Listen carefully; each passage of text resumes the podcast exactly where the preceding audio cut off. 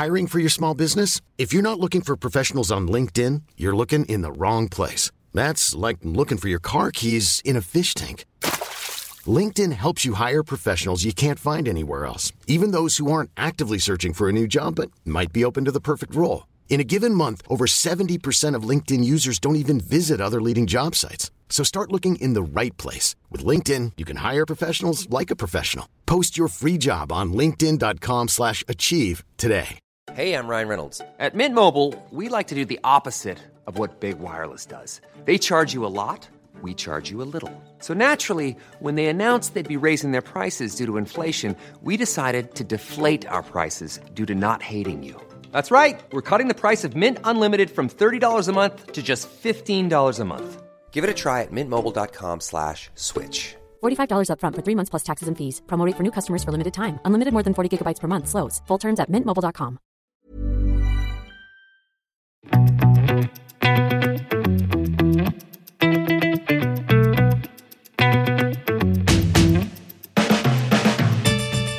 Velkommen til en helt ny episode av Klokkelandslaget, men ikke eh, som vanlig denne gangen. For eh, jeg og Jon Henrik vi har besøk, og vi har ikke besøk av bransjefolk. Vi har besøk av en annen podkast, eller kan man kalle det en søsterpodkast? Eller brorpodkast, uvisst.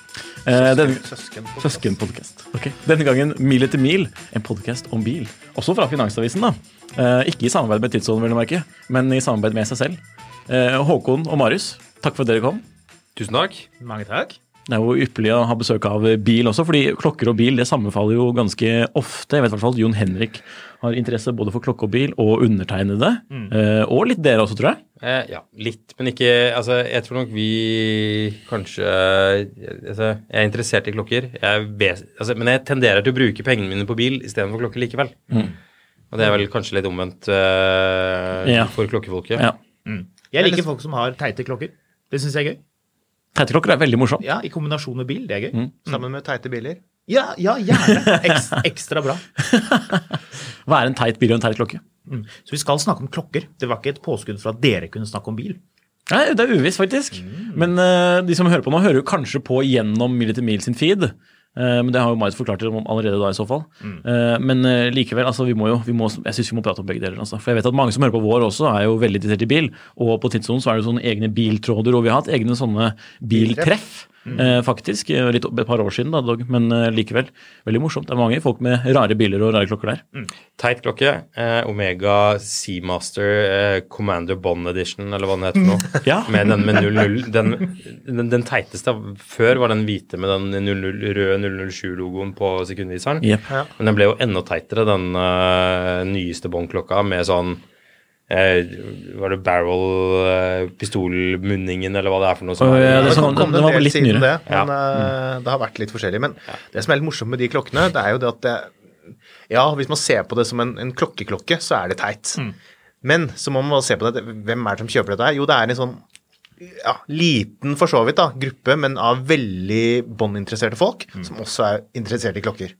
Ja. Og disse klokkene, ifølge Omega, i hvert fall, de selger som hakka møkk. Altså, de, de ser, altså, I forhold til den relativt til at det er en limited edition på kanskje Hvor mange er det pleier å være? Rundt en tusen Det hørtes nesten litt lite ut for Omega å par være. tusen Ja, klokker, kanskje. ja. Men, men det, ja, det er ikke noe hyllevarmere, det, altså. Ja, det selger også altså En annen ting som selger i bøtter og spann, det er Porsche-jakke og BMW-solbriller. Men det er ikke, ja, det er ikke kult likevel. Jeg Altså. skulle komme på det. Er, det- er, er den Omega-klokken teitere enn en sånn BMW, sånn jugleklokke som de bare har satt i den der monteren? Definitivt ikke. For det her er det jo, der er her Omega med James Bond-klokken er det jo et klokkemerke som har laget klokken. Ja. Med BMW-klokken så er det jo ikke det. Nei. Da er det så er det sånn sånn- off-brand eh, med en Så er eller annen virksomhetsfabrikk. sånn, virksomhetsfabrikk. eh, sånn klisterlapp under med prisen på på de klokkene. Min onkel har en slik med Mercedes-logoen på, som han uh, bruker. Som, den er faktisk ganske kul. Er den? Eh, Er det ja. offisiell? Er det et offisielt produkt? Ja, ja, Eller på sier det. du det fordi onkel Jørgen nå hører på? Det var, det var, jeg, ble litt, jeg ble akkurat litt redd for den da jeg begynte å si det. Så jeg tenkte sånn, den er veldig kul. Vi kan avgjøre ganske kjapt om den er kul eller ikke. Er den gamle eller ny? Den er vel sånn der, jeg vil tippe tippe den er fra, tippe den er fra i tidlig 2000-tallet. Ja. Snart kul. Neo-vintage. Altså, gammel merch er kult. Ny merch er aldri kult. Det, det er fett hvis du har eh, BMW Aviator solbriller fra 1978, hvis det fantes. Eh, BMW Aviators, eller raske briller fra BMW fra 2017, er ikke like kult. Nei, jeg er enig i det. Nei. Men heldigvis, eh, den klokken fra Mercedes den ruster jo ikke, da, i likhet med annen Mercedes fra 90-tallet. Godt poeng. Ja. Et lite sånn pisk til Lite pisk Mercedes. der, ja. Ja, godt. Det er veldig viktig. Apropos eh, Mercedes. Der er det jo noen eh, klokker inne i bilene. Ja. Og Det var en av de tingene jeg tenkte å spørre dere om. Er, liker dere det? Er det liksom stas, eller er det bare tøys? Jeg syns det er veldig kult. Ja, du synes det? Ja, jeg synes det er, det er liksom barnslig, men jeg, jeg syns det er kult når de gjør det. Og jeg syns det er kult når det passer, når merkene passer sammen. Eh, AMG og IWC, det passer jo ganske bra sammen, synes syns jeg. Eh, IWC er jo liksom fra den tyske delen av, eh, av Sveits, og, og ikke så langt fra Hvor er det AMG har eh, hovedkvarteret sitt igjen? Er det, hva heter det? Af Eh, Afalter Bach. ja, et eller annet sånt. Ja. Så det er liksom, det gir litt mening, da. Breitling og eh, Bentley, da. Ja, for sånn, for sånn Breitling var på den tiden, så vil jeg jo si at det kanskje ga mening. Men jeg skjønner jo det at de bryter eh, Ja, for det, det skjedde jo i fjor, tror jeg det var, hvor, de, hvor de brøt det partnerskapet som har vært i 19 år eller ganske lenge. Jeg har skrevet om det helt fra at jeg ikke husker, husker det nå. Men eh, det forstår jeg også, at, det, at de skiller lag. Det var, jo, det var jo en sammenfallende kundegruppe der, men de er jo sanksjonert nå fordi de invaderte Ukraina, så det, det er jo ikke noe problem uansett. Det er liksom uh, dørvakter som har tjent penger, og som har kjøpt Bentley Continental og en, uh, har en Breitling. Ja, det, er andre dø, det er andre utesteder i Fredrikstad enn der jeg bor, det er helt åpenbart. Men jeg lurer på, eh, er det et eh, heftig urverk i de eh, IWC-klokkene som er i dashbordet på en Mercedes AMG? Vet vi Vet du, det? det vet jeg faktisk ikke. Ehm, jeg tror vel egentlig ikke det, men jeg vet ehm, Og da går vi over til liksom det med Breitling og Bentley igjen. Der har det jo faktisk vært noen versjoner som det har vært veldig heftige urverk i. Eh, noen av urverkene har blitt laget av um, et uh, selskap som heter Vaucher, som lager for et annet merke som heter Parmigiani, som er, og, og til Richard Mill og til forskjellige andre produsenter. Så det er liksom skikkelig urverkprodusent da, som har laget kompliserte greier for å ja, Det var vel ikke laget helt bare for å være i den bilen, men altså de har tatt et, et urverk som uh, vanligvis brukes i armbåndsur, og satt det i bilen. Mm. Så når du sitter i din seks år gamle Bentley Continental, den er akkurat utenfor den norske garantien, og selvfølgelig så har du fått en strømtyv, eh, så batteriet er flatt, har da klokka stoppa å gå? Jeg vil vel tro det på de fleste, for jeg tror at dette her var en sånn spesialutgave hvor det var uh, Vanligvis er det vel bare disse Det er vel egentlig bare skiva, tror jeg, på disse klokkene. Og, og litt designet som de prøver å etterape litt uh, Eller vet dere noe mer om det? Det hadde vært sjukt rart hvis liksom annenhver dag så måtte du liksom vri på en sånn Du har, du har en volumknapp i stereoen og en ved siden av hvor du trekker opp den mekaniske klokka i dashbordet hver gang du starter. Rolf Royce burde jo ha, sånn gjøkur som man trakk opp med sånn nøkkel. ja. Ja, det ville vært perfekt. Eller det der med at du måtte ta ut klokken og ta service på den. Du må sende den til Sveits. så Den skal være i tre måneder bare. Sånn at en eller annen sånn fyr som kjører en dyr bil, skal kunne gå over den veldig grundig. Og det koster da 32 000 kroner. Ja, og tre måneder var et konservativt estimat. Trykktestes, selvfølgelig. Tjena, jeg er Bosse, jeg er din servicehåndterer her hos Bentley og jeg, skal, jeg har fått ansvar for å sende din klokke til Schweiz. Jag lurer på om det kunne passe om to ukers tid. Bilen måtte stå hos oss i tre måneder mens klokka er på service. Ellers går ikke garantien.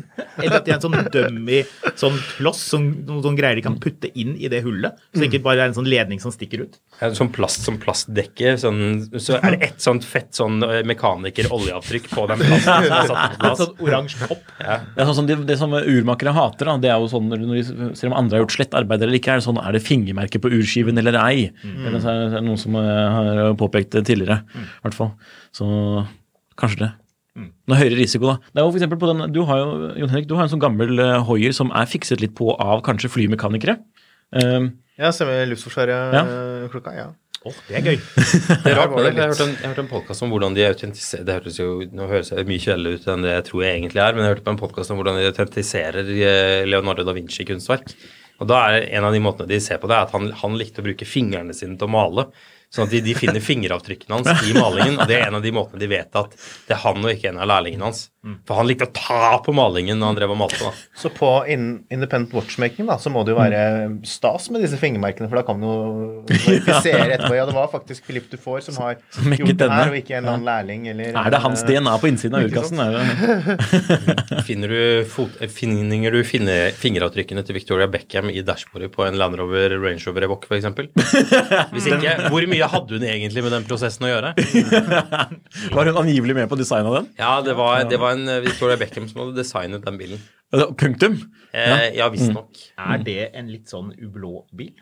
Hublot-bil. Ja. Nei, for det er Nei, er det At, det er, at det på en måte passer litt sammen. Hublå og Evoque. Ja. Jeg har skaffet x antall penger og skal kjøpe en kul, eller altså en bil som ser dyr ut, men som er litt mindre enn de vanlige dyre bilene. Ja. Kanskje. Men Hublår er veldig store, da. De har ingen små, store klokker, på en måte.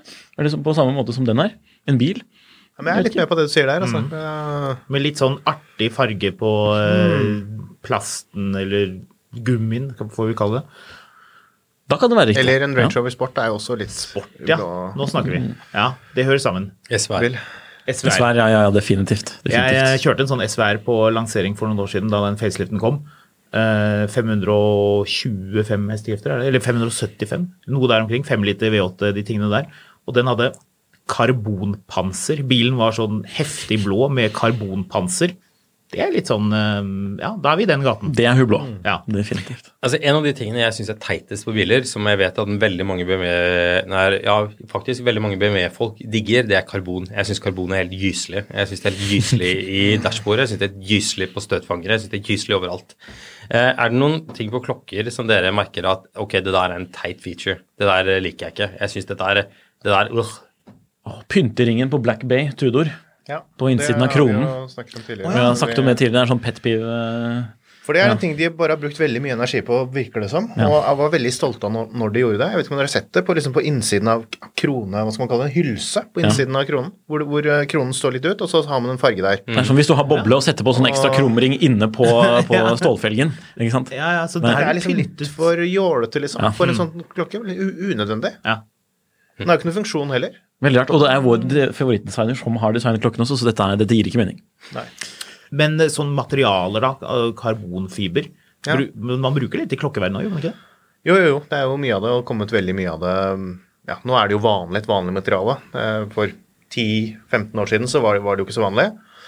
Um, I Da var det jo starten så så vi det kanskje ja, i blå igjen, og så kanskje litt i um, urskiver og sånn, hvor det var litt mer sånn um, dekorativt, liksom. At man likte det mønsteret, at det var kult.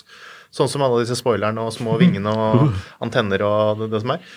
Eh, men eh, nå så er det jo litt mer sånn um, Jeg vet egentlig ikke hva man kaller det. på noe. Forge carbon, altså karbonkompositt. da, Mer sånn eh, som kanskje kasser og støper ut av.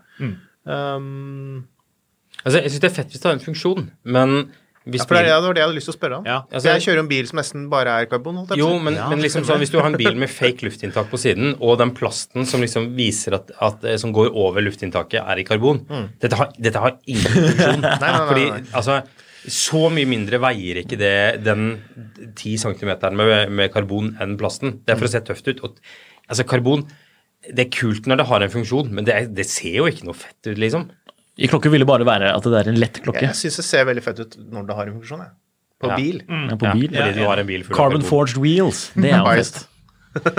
Hva med stein? Vi hadde jo en, eh, en eh, på besøk i podkasten vår for kjempelenge siden som jobber hos Bentley, og som eh, fortalte at du kunne få steinplater inni bilen. Er det noe er det, Oh my Sk- God. Skiferdash. Ja. Tissot, tror jeg, de, han- de lagde Ja, en sånn de der stone, en, altså, stein- steinklokke på 80-tallet, tror jeg. Ja. Den er litt kul, faktisk. Ja, Den er veldig liten. Kassen er av stein. Ja, ja, ja, ja.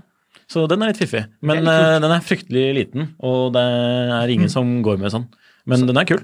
Og så er det jo litt sånn um, skiver, da, som har vært i litt forskjellige uh, Meteoritt er jo liksom kun meteorittstein. er jo liksom noe av det hotteste nå.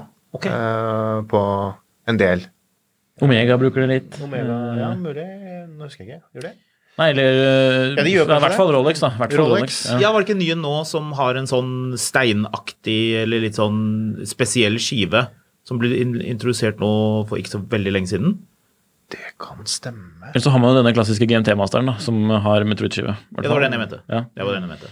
For det var nytt nå, er, var det ikke det? ja, den kom kanskje i en ny oppgradert versjon. Nå står det litt tilfelle. Ja. Den er jo i hvitt gull, ikke sant, og så har du Siste var vel Daytona med, med en sånn skive. Ja. Ja, mulig. Og den er litt sånn ekstra sånn skinne, og det liksom bytter litt lys og sånn, gjør den ikke det? Mm. Men der tror jeg det var veldig sånn leveringsproblemer. Jeg er veldig usikker på hvor mange som har um, mange de har fått levert av den klokken i det hele tatt. Det ja. jeg mener det var et eller annet juridisk der, ja, med, der de hentet opp denne steinen og Uetisk på stein? den, Og, ja, jeg, jeg, jeg tror det var noe sånt. Det er sikkert noen som kommer til å kommentere sint nå hvis jeg sier feil, men det, er, eh, men det som er litt morsomt i klokkeverden, og, det, og sånn er det kanskje i bilverden òg, det kan jeg spørre dere om, for det, i klokkeverden så ser vi ofte sånn at eh, materialvalg eller, eller, eller eh, ja, sånn som den steinen, da, eller andre ting. Ett år så har liksom alle det. Og det, og det virker som da at det er ikke pga. at de har sittet og funnet på dette selv, men da er det en eller annen lever- underleverandør eller et eller annet, en eller annen teknologi som har blitt kommersialisert, og som har blitt da på et kostnadsnivå som er eh, greit. Og så har flere merker kjøpt, kjøpt seg inn i det, holdt jeg på å si, og så og bruker den leverandøren, og så har de fått det til. Er det noe sånn i, i bil og at man kan se liksom på en, eh, et år at det da er veldig mange biler som brått begynner med den samme ja, type teknologi, eller eh, design feature, eller et eller annet som liksom er noe nytt, da, som, som kan være lisensiert, eller Jeg tenker umiddelbart lisemsket skinn, men uh, det er vel den eneste sånn fellesnevner som Ja. dukket opp overalt. Men det, bilbransjen beveger seg mye mer trendbasert, da. Ja. Men Alcantara var jo, et, da det liksom kom og ble en uh, greie, definitivt, det var jo sånn typ slutten av 80-tallet, det var jo noen biler som hadde det tidligere også. BMW eksperimenterte en del med det, med den M1 og den som heter Z1, har et kjempekult, sånn merkelig interiør som er veldig, alt er sånn kledd i sånn morsomt uh, stoff. Men når det kommer til teknologi, så er det jo litt sånn at eh, bilbransjen Altså Bilmerkene som vi kjenner, samarbeider jo med eh, underleverandører. Store selskaper med mange titalls tusen ansatte som produserer for bilbransjen. Sånn som Continental, bare for å ta et eksempel. Vi kjenner det som dekk. Men egentlig så lager jo de masse sånn styringssystemer, og de, det, det er veldig mye som, som lages. Og så har de utviklet det for noen. F.eks. Eh, ZF, da, som lager girkasser, laget en åttetrinskasse. Og den dukket først opp i en BMW, fordi de hadde veldig tett samarbeid. Men så dukket den girkassen opp hos andre senere, da. Så liksom det renner litt sånn hit og dit. Og det er ganske mye sånn teknologi som man kan se at plutselig dukker opp hos noen, eh, og så vil det være hos andre senere, da. Men det tar ofte litt tid. Sier de da at det er en ZF-kasse, eller har de laget et eget fancy navn og sier at den er spesiallaget for de, eller? Ja, BMW har jo sitt eget navn på den. Hva er det? Steptronic kaller de det, tror jeg. Og så er det Tiptronic er vel hos Porsche. eh, De har litt forskjellige navn på det. De er vel programvaren, bare. Eh, girkassen er det samme uansett. De er alltid åpne om at det er en ZF-kasse, sånn stort sett i alle fall. Alt er jo ZF-kasser, nesten. Men, Klokkeverdenen er litt annerledes. Eh, Ja, men ZF er litt spesielt. Zanrad-fabrikk. Det er jo eh, et veldig gammelt firma, og de er på en måte, de leverer til veldig mange. da. Men sånn understellsteknologi, f.eks. sånn uh, luftfjæringer med flere kamre eller variabel turbogeometri, det er jo sånne ting som, som noen har. F.eks. Uh, Porsche kan komme med teknologien, presentere det bare sånn oh, 'Se på oss, vi har denne kule teknologien', og ingen andre har den, he-he. Og så tar det litt tid, og så dukker det opp andre steder. da. Sånn som understellsteknologi kan du si at, at store Mercedeser, store Land Rovere, store BMW-er eh, og Volkswagen-gruppen har det er mye likt da, når det kommer til sånn, teknologi, eh, hvordan, eh, hvordan understellet liksom er lagt opp. Ja, Det ligner mye på hverandre, og det er jo ikke tilfeldig. De lisensieres jo ut til hverandre også. Helt riktig. Altså, Men er det noen ganger at det blir noe problem med det juridisk? At det er eh, noen som blir stoppet, liksom, fordi de sier 'hei, du har kopiert oss'? Ja, Det er gøy at du nevner, for det var jo et søksmål i USA. Land Rover har jo noe de kaller for terrain response, som er en sånn knapp du vrir på for å velge forskjellig sånn eh, mud and snow eller rock eller gravel og sånne ting. Og de mente da at Volkswagen-gruppen hadde da stjålet denne tankegangen. Bentley annet har et hjul som ser veldig likt ut. Eh, og da prøvde de å krangle og fekte en del. Jeg tror de, de, jeg tror de var settled out of court til slutt, da, etter mye om og men. Continental lager også bilradioer, eller egentlig så lager de traktorradioer, som eh, Porsche-entusiaster har lagt sin elsk på fordi de ser sånn festlig rett. Men er ikke de bare sånn rebrandet, eh, egentlig? Jo, jo, jo. Men det, ser, men det, men det er Continental som, som nå står for de. Det er en Continental-radio, men det er jo ment på radioer og, og jordbruksutstyr. Det er sånn Du skal ha radio i den fancy traktoren din, men fordi det har det nesten det samme oransje lyset som en 964 eller 993, så tok det den veien. Men hva når man tar en motor som er produsert av en, eh, et bilmerke, og så dukker den opp hos noen andre? Enten at man sier ja, se der, det er, det er vår motor, den kommer herfra. Er det litt sånn som når eh, man tar et, et urverk som er produsert av en storprodusent, og så putter det inn noe annet? For det er jo ganske vanlig i klokkebransjen, er det ikke det? Senetel Premi- Senetel Premiero-urverket var vel i Daytona, i mange år, blant annet. Men det var det ingen som prøvde å skjule det. Daytona, Tag Nei. Heuer, Ja. Nå er det mye mer vanlig å prøve å liksom, hva skal man si, alle vi, disse Kundene har jo øh, laget et sånt veldig rart krav om at liksom, ah, vi må ha inhouse-urverk, altså egenproduserte, sånn at de må liksom være integrert øh, denne businessen da, som skal selge denne klokken. Ellers så er det uinteressant å kjøpe ut fra dem. Um, Mens uh, mange kjøper jo bare urverk fra f.eks. ETA, da, som er liksom den største urverkprodusenten i Sveits. Uh, så finnes det også og- mange andre, da. Så det er jo mange som ikke får ETA er jo det som alle kjenner til, for det har jo vært i så mange år, og det var jo liksom det med Swatch Group og, som reddet urindustrien, for å kalle det det. Eller hvis man, hvis man vil gå for den versjonen av Historien. sak- historien. Men uh, det finnes jo også mange andre, og, og en del av disse klokkemerkene tilhører jo store grupper, og innad i de gruppene så har de egne fabrikker som spesialiserer seg på å levere noe som noen ganger blir kalt inhouse-verk fra de respektive merkene. Ja. Så det er jo veldig mye sånn sminking av sannheten.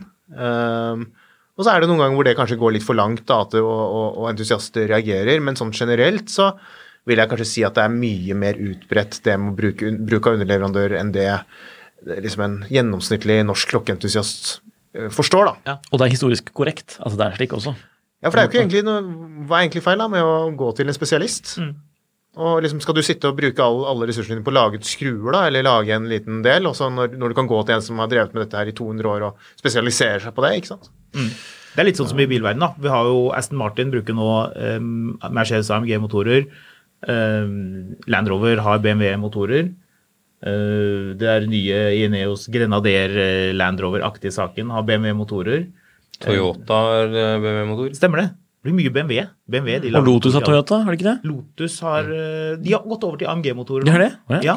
Det som er fascinerende, er jo at klokke, klokkeverden og bilverden går jo i, i motsatt retning. Det blir jo stadig mer batteri i bil og stadig mindre batteri i klokke. Ja, det er et veldig godt poeng. Mm, det var et veldig godt poeng. Så det tar jo litt sånn altså I fremtiden så skal jo altså hvem som lager batteriet Å nei, bilen min den har et Sonic-batteri. Nei, eller Panasonic-batteri. Ikke Sonic, men bilen min har et Panasonic-batteri. Mm. Mens bilen din den har ekvivalenten til et Ikea-batteri. Så det liksom, vi vet alle hvem som har den beste batteriet. Ikea har faktisk hatt ganske, hatt ganske bra batterier. Ja, det er Panasonic. Ja. Så Godt fra Jon Henrik, faktisk. Så. Interessant. ja. Vi har jo et eh, fast eh, segment hvor vi går og ser hva har folk på armen i dag. Oi. Såkalt wrist check. Um, så tja, kanskje Håkon skal starte? Skal jeg begynne? Ja. I dag Hvis du har lyst til å vise frem ditt ur. Kan jeg, skal jeg vise sånn? Gjerne Er til ditt kamera. Å ja, sånn, ja. Sånn. Sånn. sånn, Ja, ja, ja. Og så bare Sånn, snakke fint om den. Ja. Ikke noe stygge ord, naturligvis. Ikke noen styggeord. Nei. Ikke noe med at den eh, går litt fort eller noe sånt. Eh, jeg har en uh, Seigo uh, Sport 5, heter den. Het, 5 Sport. Ja. Sea Urchin. Som er en litt sånn uh, ekstra pyntet versjon. Den er litt mer sånn fancy-pansy. Mm. Med en uironisk uh, strap som er egentlig litt sånn lite leken, for den, liksom, den matcher, så det ser ut som jeg mener veldig alvor. Jeg har tenkt veldig grundig på at ah, det må være akkurat den, Ja. fordi den er veldig sånn sjø, og jeg liker båt, så det passer jo fint. Men egentlig mest av alt grunnen til at jeg bruker den, er fordi at den tåler masse, og liksom er sånn, man kan bare stikke hånden ned i et eh, varmt motorrom og håpe at man ikke brenner skjermen hvis det kommer litt olje på, så, Så går det fint. Ja. Den er veldig morsom. Den er ok. Mm. Og så er det Den der er jo ganske populær. Så ligner jo litt på den aller mest populære, som liksom er SGX-modellen. Som har ikke den har, Jo, den har jo dag- og datovisning, og den har vridbar B-cell. Jeg vet ikke hva som er hovedforskjellen der, egentlig, for helt ærlig. Litt designmessig, egentlig, bare. Um, på den nye og den gamle? Ja. For det, altså, den er på, det er Five Sports. nei, men dette, den eh, Håkon har, er jo faktisk Den ble jo laget på samme tid som SGX også. Jeg gjorde den, ja. Ja, den der, ja. Å, Ja, ja, visste ja. jeg ikke. For den der er jo ikke Ja, ja, den ble det. Ja, For den der er jo et par år gammel, eller? Ja da, den, Ja. Er, eh, den, er litt, den er litt gammel. Det er- er biteren din, er det ikke det? Jo, Så er det en det er jo sjelden egentlig det. fugl. Jeg har jo den helt vanlige, den som ligner aller mest på SKX-en også. Ja, den nye Psycho 5 Sport. Yes, Ja. jeg har den òg. Så jeg syns liksom det var greit å ha Og Den bruker du også ofte på Natorem. Den er det noen som har observert deg gå med på en eller annen sånn Finansavisen-video. Og så er det på Tidssonen har vi sånn, er det sånn egen sånn spottetråd. Så er det noen som har sagt 'Hva er det Håkon har på seg her?' Nikolai, kan du gå og spørre? Så gikk jeg noen som tok bilde av deg da på kontoret ditt. så Og, man hva det var. Sannheten er jo egentlig at eh, jeg ga denne klokken til min samboer, og så brukte hun den en god del. Og så eh, glemte hun litt å bruke den, og da så jeg mitt snitt til å bare snike den tilbake. Så jeg, jeg, den er litt, litt sånn låning frem og tilbake, men det er jo sånn det er ofte. I, Nei, det er man, man, liksom, man bytter på litt. Ja, det jeg tenkte når jeg ga samboeren min en sirkelsag òg. Ja, ja, det var, ja, ok, jeg skal erkjenne det var, det var litt de tankene der jeg hadde der, men, eh, men bare litt. Mm. Det har jeg for øvrig lært av deg, Marius, det å gå med, med de seikoene. Du, er jo, du er, var jo kongen av seiko. Ja, jeg har en, jeg har en liten bunke av de, det har jeg. Ja, du Så har en del. Jeg har jo en sånn SKX Jeg hadde en SKX 009, det er den med Pepsi-beselen, er det ikke det? ja, enten eller. Det er jo 009 eller 007. Jeg husker aldri hvilken det er. Ja, for jeg tror det er 009, fordi, og så tror jeg 007 er den med svart, svarte øh, Hva var det du hadde for noe? Den, Det, det er jo et godt spørsmål. Jeg husker jo aldri ikke om det er 007 eller Men 009. Hadde du med sort, eller hadde du Med, med Pepsi. Farger. Svart, blå og rød. Jeg tror det er 009. Ja. Ja. Men det er ikke så vesentlig. Men eh, Jeg jeg hadde iallfall en med svart eh, ring, og jeg pussa opp huset mitt uh, her i Eller jeg reiv hele huset jeg hadde kjøpt innvendig, og, og pussa opp en hel sommer. Og da hadde jeg den som best, og den fikk bank. Altså, jeg brukte, brukte alt fra sånn slagbor eller sånn til å rive fliser, og det fikk ordentlig juling til hamring til maling til slenging og dunking. Eh, og du kan ikke se det nesten på den klokka. Den har fått, fått så mye juling. Eh, og den er fortsatt supernøyaktig, altså. Det er veldig lite dødtypen. Jeg har en annen eldre variant av SKX-en som ikke har dag, men bare dato. Jeg er ikke sikker på den SKX, men den, den ser ut som en SKX iallfall. Mm. Jeg tror den er 25 år gammel eller noe sånt. Men der har vi det problemet at den, hvis jeg går med den to dager, så er jeg plutselig en halv time for sent på et møte, liksom. Så jeg er ikke, det er ikke fullt så ille, men den, den taper seg litt for mye tid til at jeg helt tør å stole på å gå med den særlig lenge av gangen. Det er, eh, det er litt som eh, Jeg tror det er bedre enn den her, som går litt for fort. Som gjør at jeg hele tiden føler at jeg har litt dårlig tid. Eller bare, Du tror meg, det er mye bedre enn å komme for seint. Men, men det er jo noe veldig ålreit med klokken. Jeg må jo si det, siden vi jo begge to er glad i det. Liksom sånn, hvis man ser liksom Det er et lite, lite vindu, og liksom det ser Open sånn open caseback, som vi kaller det. Takk. Glimrende. Altså, det ser litt sånn sjarmerende ut. Altså, jeg, for for noen, noen få kroner bare, så er jo det er jo det trekker parallellen, så er SKX-en det er en uh, Toyota Hilux. Den uh, funker til alt. Du kan banke den opp, og du kan bruke den uh, altså, Jeg vet ikke om det står så mye Hiluxer utenfor Grand Hotel, men, eh, men det, det er Altså det, det, er, det er et verktøy, liksom. Du kan bruke den til hva som helst. Den tåler masse. Du kan bade med den, du kan uh, sveise med den, du kan gjøre hva du vil, egentlig. Nå har jeg jo, nå har jeg sluttet å bruke SKX-en min som sånn biter, eh, for jeg syns så synd på den. Så nå har jeg, nå har jeg kjøpt en sånn eh, Hva er det heter den, den mest kjente Casioen. Den som har en sånn alarm som, som går an når som helst på døgnet. Altså en- uten Nei, nei, mye eldre. En sånn, der, sånn liten firkant. Firkant, altså denne lille, denne aller billigste F19 eller et eller Ja, annet noe sånt. Ja, Den, den har alarm, og så har den en sånn, sånn tapp øverst som, Er det den lyser blått. terrorist... uh, Yes, det er Ja, terrorist. Terroristklokka. Det er terroristklokka. Eh, Kan det ikke detonere noe bombe uten det. Det var, den de, det var den de brukte også som signal på å stoppe folk i sikkerhetskontrollene. Hvis folk gikk med den i sikkerhetskontrollen, så kunne du regne med å bli stoppa eh, i mange år etter 11. september. Fordi alle de gutta som fløy Altså alle terroristene på 11. september hadde den klokka fordi det var den mest nøyaktige klokka. Til den rimeligste prisen. den rimeligste prisen. Så alle hadde synkronisert sine sånne klokker. Eh, og det fant jo eh, CIA og FBI og NSA og alle sammen ut. Så liksom hvis du gikk med en sånn en og var hakket mer solbrent enn det jeg er eh, i en sikkerhetskontroll, så ble du stoppa, liksom. Da var det random kontroll og inn og snakke med deg, liksom. Men jeg tror det tok ganske lang tid før folk tok den koblinga sjøl, liksom. Jeg tror ikke de var åpne om at ikke du skulle gå med den. Nei. Men det er den jeg bruker når jeg nå da sveiser eller hamrer eller uh, gjør ting hvor jeg ikke det, det gjør ikke så veldig mye om den klokka forsvinner, for den kosta vel sånn 300 kroner eller noe sånt. Men du må jo vise frem det du går med i dag. Ja. Ja. Uh, skal jeg holde den opp sånn, eller? Ja, det, er ikke, Vi trenger ikke gjøre noe bygdere ut av det. Altså, det så, så lenge kameraet kan få se, så alle de som lytter, ser jo at det også er en Omega Speedmaster. Ja, Det er- det. Det er en Omega Speedmaster Sapphire Sandwich. Det er ikke en uh, Hesalitt, dessverre. Eh, men med en Mitsukushi- Mitsukoshi-skive. uh, Altså, som- sånn, sånn pandauttrykk. Den har et pandauttrykk. Eh, jeg er superglad i den klokka. Men den Eh, det skiven kom på etterpå. Ja, det var det jeg skulle spørre om, altså. Den er bytta etterpå. Ja, det er ikke en original Mitsukoshi. da har jeg ikke jobbet her. Så, men det er en original, Mitsu, det er en original Mitsukoshi-skive. Uh, Det er det. De Så, svinedyre. Unnskyld at jeg avbryter deg, Marius, men bare si de er blitt kjempedyre, de skivene. Ja, Da jeg kjøpte klokka, så tror jeg den skiva kosta sånn 10 000 kroner eller noe sånt. De koster vel en god del mer enn det nå. Jeg tror vi snakker fort en 30 i alle fall, for skiva løst. Hva var eh, greia der egentlig? Var det det at man kunne forholdsvis enkelt bare ta den med til en forhandler, og så Ja, bestilte altså, de på skiva til deg? Ja, altså greia var vel at Mitsukoshi var jo en sånn limited edition hvor det, det ble bare solgt 300 eller 500 klokker. Det var i forbindelse med, med Mitsukoshi-varehuset i Japan, i Tokyo. Så lagde de denne special edition for sånn 15 eller 20 år siden. Eh, og så lagde de en haug av disse skivene som reservedeler, og så kunne du bestille den. Nå kan du ikke det lenger, nå får du ikke tak i de skivene fra Det viser det? lenger. Ja, det er også viserne. eh, Noe som er litt irriterende, fordi de andre viserne ser jo nesten dønn like ut, men der funker jo den Eh, Lumen? Lumen. Det, Her funker Lumen ganske dårlig.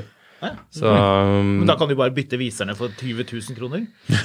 jeg har de andre viserne liggende. Jeg har jo den originale ja. skiva osv., så, videre, så det er, ikke, det er ikke så variert der. Men jeg har alltid likt Omega Seamaster, nei, Spinmaster. Eh, det, har, det har jeg gjort siden jeg begynte å studere, og det begynner jo å bli noen år siden. Men jeg bodde i København og gikk på samfunnsøkonomi, så labba jeg inn og ut av en del klokkeforretninger på strøket der. Og da, da ble jeg veldig opptatt av Speedmasteren, og har likt den siden, egentlig. Så det ble i forbindelse med at jeg ble 30 at jeg kjøpte den som en sånn gave til meg selv. Så har alltid tanken vært at jeg skulle kjøpe noe mer avansert, men dit har jeg ikke kommet ennå.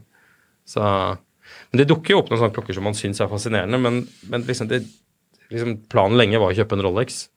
Det Problemet med at Rolex, stål-Rolex nå har blitt såpass dyrt at da er det andre ting jeg tenker er kanskje Andre ting enn klokker. Men har du ikke hatt Eller? en Rolex, eller husker jeg feil? Jeg har ikke hatt en Rolex. Jeg har eh, folk i familien som har flere vintage Rolexer, men jeg har ikke, jeg har ikke noen sjæl, nei. Dessverre. Så eh, Men um, Hva med en reduced?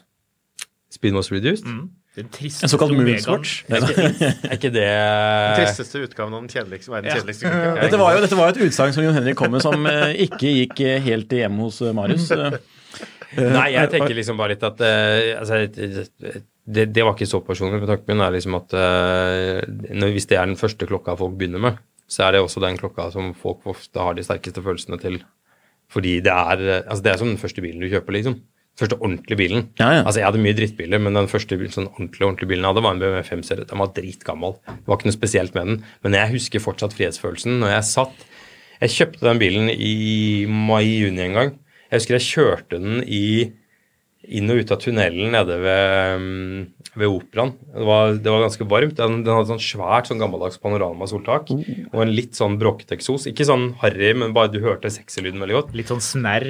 Ja, og jeg husker jeg kjørte jeg tror jeg kjørte i to timer frem og tilbake til tunnelen her og bare hørte på bilen og bare kjente på den insane frihetsfølelsen det var å ha sin egen ordentlige bil. Og Det tror jeg er liksom litt den samme tankegangen har. Hvis, hvis, hvis Speedmasteren er den første liksom ordentlige klokka som folk unner seg, så er det også en grunn til det, liksom, og da har folk et ganske sånn sterkt forhold til det. Og Vi snakker litt om det faktisk i en annen episode, her, at det er liksom, at sånn som med Rolex Submarine også, det, er også, det gjelder Omega Speedmaster også, at det er såpass perfekte klokker at det, det blir eh, så riktig noe mer. at det er eh, Nei, ikke sant?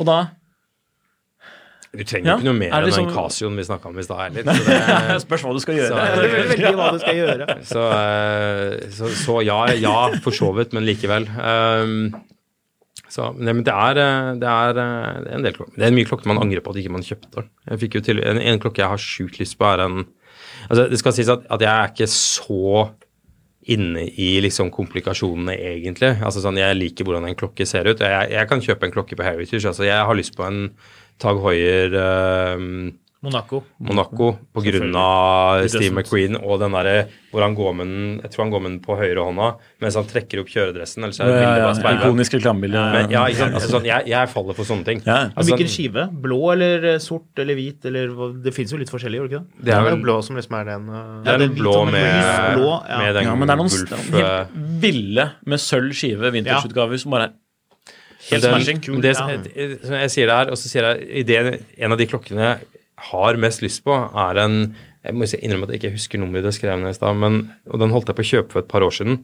Da holdt jeg på å kjøpe den for 100, nå koster den 200 ny, så dette var litt irriterende. Men en, en Jeger eller Kult, uh, Ultra sin Master Ja, den har du snakket til meg om før, Ja. tror jeg. Ja. Uh, og den irriterer meg litt at jeg ikke kjøpte. helt plain med da, Den med tidsvisning og dato, eller Altså, med noe Den har disse tre kronografene og den derre månedingsen i toppen. Og det, altså den, den tingen som gjør at jeg har lyst på den klokka, uh, bortsett fra at jeg syns navnet Jegerlig kult er kult, er jeg, jeg liker den håpløst tungvinte tankegangen, eller hvor du gjør det så komplisert at, at hvis du er usikker på om det er dag eller natt, og klokka tilfeldigvis står på midnatt, så har den et lite hull i sekund og nei, minutt og timeviser, så du skal kunne se gjennom og se om det er dag eller natt. og det tenker jeg, Så komplisert er livet mitt aldri at jeg trenger det, men jeg elsker at noen har giddet å gå til de lengdene og lage den formen for De der er kjempekule. Mm. Men det er perpetual, ikke sant? Evighetskalender. spørsmål, det må ikke være Ja. det. Eller? Det skal være det, Jeg, tror jeg jeg. tror det er det, da. Jeg tror det. Den er, Med den, indikatoren. Den klokka her, den, den ble fortsatt litt sånn wow. Men du som er på firkantet klokke, hva med Reverso? Den kombinerer jo det kule merket og liksom sånn Madman-klokken. Ja, Er det det? Ja, det er liksom det. du får, det var, de lagde jo en sånn eh, utgave med Draper Cooper Price, eller hva det heter. eh, Ah, det er gøy. eh, På På, baksiden. på baksiden. Det er morsomt. Det er morsomt. Altså, det skal ikke jeg høres ut som jeg var ute og marsjerte 1. mai her, men, men klokker laget for å spille polo, det er Det blir for for wa- wasp for meg, altså. Så, men Så. klokker til å, å kjøre veldig raskt på bane, det er lov. Ja. Ja. Så jeg, vil heller, jeg vil heller kjøre på bane enn å se på polo. Jeg vil heller se på folk kjøre på bane enn å se på polo. Det er så vidt jeg vil gå i polo, men det gjør jeg litt oftere enn jeg vil. Da. Så mange som ser på Så dere er jo team her nå, begge sitter Ja, ja, ja, i ja, ja, ja. Ja, ja. Poloskjorte og, eh, og begge to har seilsko, så dette, jeg skulle, skulle tro det var en uniform. Men Håkon Jeg skal skal jo på båten etterpå? på etterpå. Så jeg må få lov. Det skal, Jeg faktisk- det skal faktisk jeg også. Det er derfor jeg har på joggesko i dag. Hvorfor er Vil du merke i båten? Det er ikke bra. du For øvrig, i denne podkasten om klokker, så kan man jo se for dere som ser i kamera, hvorfor er det riller under her? Jo, det er fordi han fyren som designet dette her greiene her, han eh, likte å være i båt med dagshunden sin. Eh, og la merke til at bikkja hans hadde jo ganske overraskende godt grep på dekk. Men hadde jo ekstremt lav tyngdepunkt. Mm, Ja, det jo. Eh, ja, så han men han kikka iallfall på potene og prøvde å designe da skoens såle etter hundens poter. Ergo så har han dette litt sånn rare, rillete greiene. Jeg syns jo ikke akkurat seilsko er, egentlig er veldig godt å gå i, eller spesielt eh, hendig i båt. Det beste er hvis du har grus før du kommer til båten din, sånn at du riper opp uh, det fine treet når du kommer opp. For de så, jeg husker når jeg hadde sånne Sebago, så kom det alltid sånne grus inn i disse, disse hundepote... Jeg bare går, bare går med sånne Hva er det heter for noe? Um, sånne Timberland Gule Timberland-sko. De samler jo mer eh, grus enn det traktordekk gjør. Så det er liksom, uansett hvor du går, så må du inn og så ta en sånn saks når du kommer på kontoret og vippes grus ut av skosålen. sånn som vi gjør før sommer og vinter øh, når du skifter dekk. Ja, ja. ja, ja. Det må man gjøre. De er riktig. Det er mange de som ikke gjør det. Ja. Jeg skulle til å si det har jeg aldri gjort, og så skal jeg si at jeg, jeg så en gærning som satt og gjorde det her om dagen, men det er jo åpenbart at iallfall 50% av dette rommet her gjør det. Så Satt med en sånn brevåpner og bare latt og vippet. Ja, ja. så god, tid, så god tid kommer jeg aldri noensinne til å ha. Så, Nei, jeg syns det, er- det skikkelig drittjobb, men jeg har alltid blitt pisket av øh, noen i familien til å gjøre det når man bytter. Vasker dere dekket nå, da? Veldig godt. før man Naturligvis. tar- tar- Alltid. Hver dag. Ja. Men faktisk, Ja, no sier joke. jeg og lyver til kamera. Det å vaske dekk på vinteren, siden vi skal være litt seriøse her nå, så må jeg jo bare understreke at eh, hvis man har dårlig grep på vinteren, på vinterføre Dette er jo ikke tull, og det høres helt sånn latterlig ut, men men er hvis man vasker hørt. dekkene Hvis du syns at det er såpeglatt, du bare skjønner ikke, jeg har ganske nye dekk, bilen er ok, og så skrubber man dekkene med en eh, svamp man kaster etterpå, det hjelper faktisk veldig. Så det var et lite biltips der. Jeg liker det at du sier liksom at man skal kaste svampen etterpå. Ja. For da tenker du liksom at det, ikke den skal brukes på noe annet. Nettopp. Ja, litt, eh, litt vesentlig. Men siden det nå likevel er snart sommer, eh, den perfekte sommerklokken Jeg var litt sånn nysgjerrig på hva dere syns, for jeg har én. Det er nesten litt over i, over i vrysjekk her. Ja, for Ja, Henrik jeg har jo på meg min, eh, det jeg tenker blir min uh, sommerklokke. Og det bestemte jeg meg for egentlig når jeg så den ved lansering. Og dette her er jo en veldig vakker uh, plast. Det er veldig lekkert. Det er en ganske ny modell fra Maurice Lacroix som heter Icon. Som, ja, jeg jeg, jeg syns det er fine klokker de i stål også, men det er ikke det som er favoritten, for jeg føler det blir litt for mye sånn rip-off av Det ligner jo veldig på en øh, viss klokke. en. Men jeg skjønner, jeg skjønner appellen med det. Det er kjempefine klokker og kjempebra byggkvalitet og alt det der. Mm. Dette er en plastikklokke som er laget av sånn resirkulert, plast. For det er også en sånn greie som har blitt veldig hot i klokkeverdenen nå det det siste året. Eh, Et selskap i Sveits som heter Tide, som samler inn plast fra havet, og så støper de om og så Kult. lager råmateriale. Så det har vi sett at flere klokkemerker faktisk har begynt med. Mm. Så er det en eller annen 28 år gammel eh, fyr som heter Torbjørn, som driver dette firmaet for å redde verden med en sånn, han har sånne sånn kjempetråler. Han driver og samler opp plastflasker i sånne økologiske sko. Du går på NRK Hordaland Nyheter og klager på at folk mister ting i sjøen. Og står der med en sånn, sånn gammel sykkel som han har funnet som er sånn full av gørr på. og Bare sånn, Se Kaster her hva folk gjør. Ja. Hva koster den der? Hva ligger de på? Den ligger på rundt nesten 9800 Ja. cirka. Jeg husker ikke sånn helt på, er det, på krona. er det Og så ekstra for den øh, diamantgreia du har? Ja, så måtte jeg jo ha med diamanter. Selvfølgelig. Og i rosa, den kommer jo i litt mer maskuline, eller tradisjonelt maskuline farger, da. Er det Men jeg syns det factory er enkelt, ja, baguette? når det er eh, Factory baguette. det er Det må jo være De er ganske baguette. mye mindre, disse stenene, enn eh, sånne bagettdiamanter på, på Rolexene, for å si det sånn. Men Det er litt eh, flair, det der, altså. Det er jeg syns den er kul. Quartz. Ukomplisert. Jeg hadde jo egentlig lyst på en sånn Moonswatch, men så, så fikk jeg jo kjenne på en munnsvart, og så så jeg også det at det ikke var mulig å få tak i det. I hvert fall på en stund. Så da bare nei. Nå skal de ikke selge på nettet, nå skal de bare selge i Ja, men jeg skjønner ikke Er det sant? Skal de ikke Nei, selge det ja, men det, det, litt da tror jeg man leser litt for mye i den meldingen. For den meldingen, det var liksom Jeg tror det var mer en oppdatering. Siden de tidligere har sagt at det skulle komme online, så sier de inntil videre, eller, eller akkurat nå, sier de, så er det Så selges det bare ved Vil det fortsette å selges bare ved der? Det var litt rar ordlyd.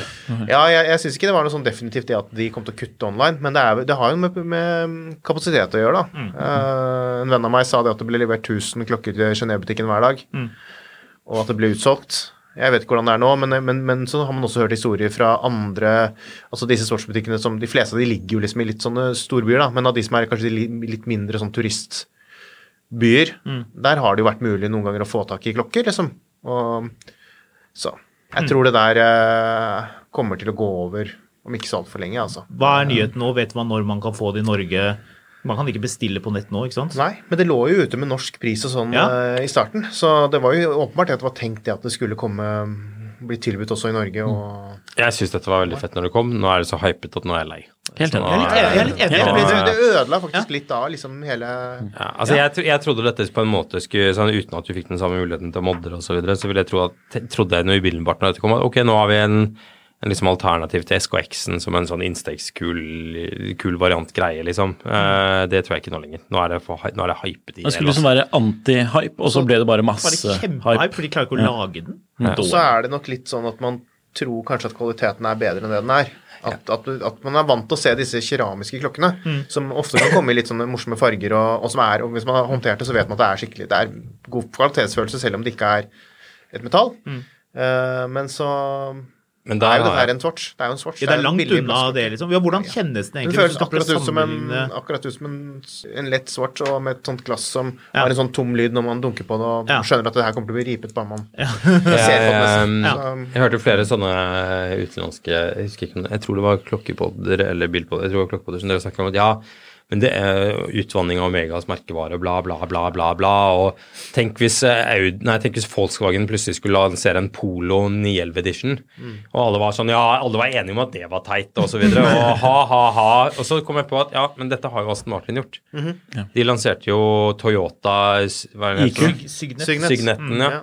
Signet? Det, det er jo ingen som har mindre lyst på en, på en Alfa, uh, Aston Martin fordi de lagde den der teite rebadge av Toyota Aston Martin. Jeg har autosøk på begge deler. Både på DB9 og Signet. Selvfølgelig har du det. Ja. Selvfølgelig har du det. Skal du bytte alfaen i en eh, DB9, da? Nei, det var jo, men det var jo egentlig DB9 jeg hadde lyst på først. Oh, ja. Og så fant jeg ut det at jeg spurte jo litt dere også. Ja. Og så Imagine the softest sheets you've ever felt. Now imagine them getting even softer over time. That's what you'll feel with Bowl and Branch's organic cotton sheets. In a recent customer survey, 96% replied that Bowl and Branch sheets get softer with every wash. Start getting your best night's sleep in these sheets that get softer and softer for years to come. Try their sheets with a 30-night guarantee. Plus, get 15% off your first order at bowlandbranch.com. Code Exclusions apply. See site for details. Ryan Reynolds here from Mint Mobile. With the price of just about everything going up during inflation, we thought we'd bring our prices down.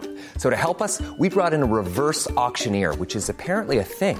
Mint Mobile unlimited premium wireless. Ready to get 30, 30, bit to get 30, bit to get 20, 20, 20, bit to get 20, 20, bit to get 15, 15, 15, 15 just 15 bucks a month. So, Give it a try at mintmobile.com slash switch. $45 upfront for three months plus taxes and fees. Promo rate for new customers for limited time. Unlimited more than 40 gigabytes per month. Slows. Full terms at mintmobile.com.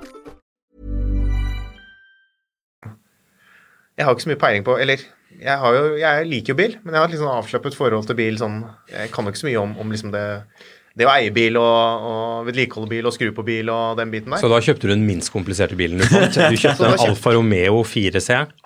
Ja, så kjøpte jeg en bil som er hvor, hva er det jeg pleier å si, som Alfa Romeo, som jeg er kjent for bra kvalitet, eh, gjør noe de ikke har gjort på veldig mange år. Lage en skikkelig en sportsbil som blir satt sammen av Maserati, som jo også har et fryktelig godt uh, rykte for høy kvalitet.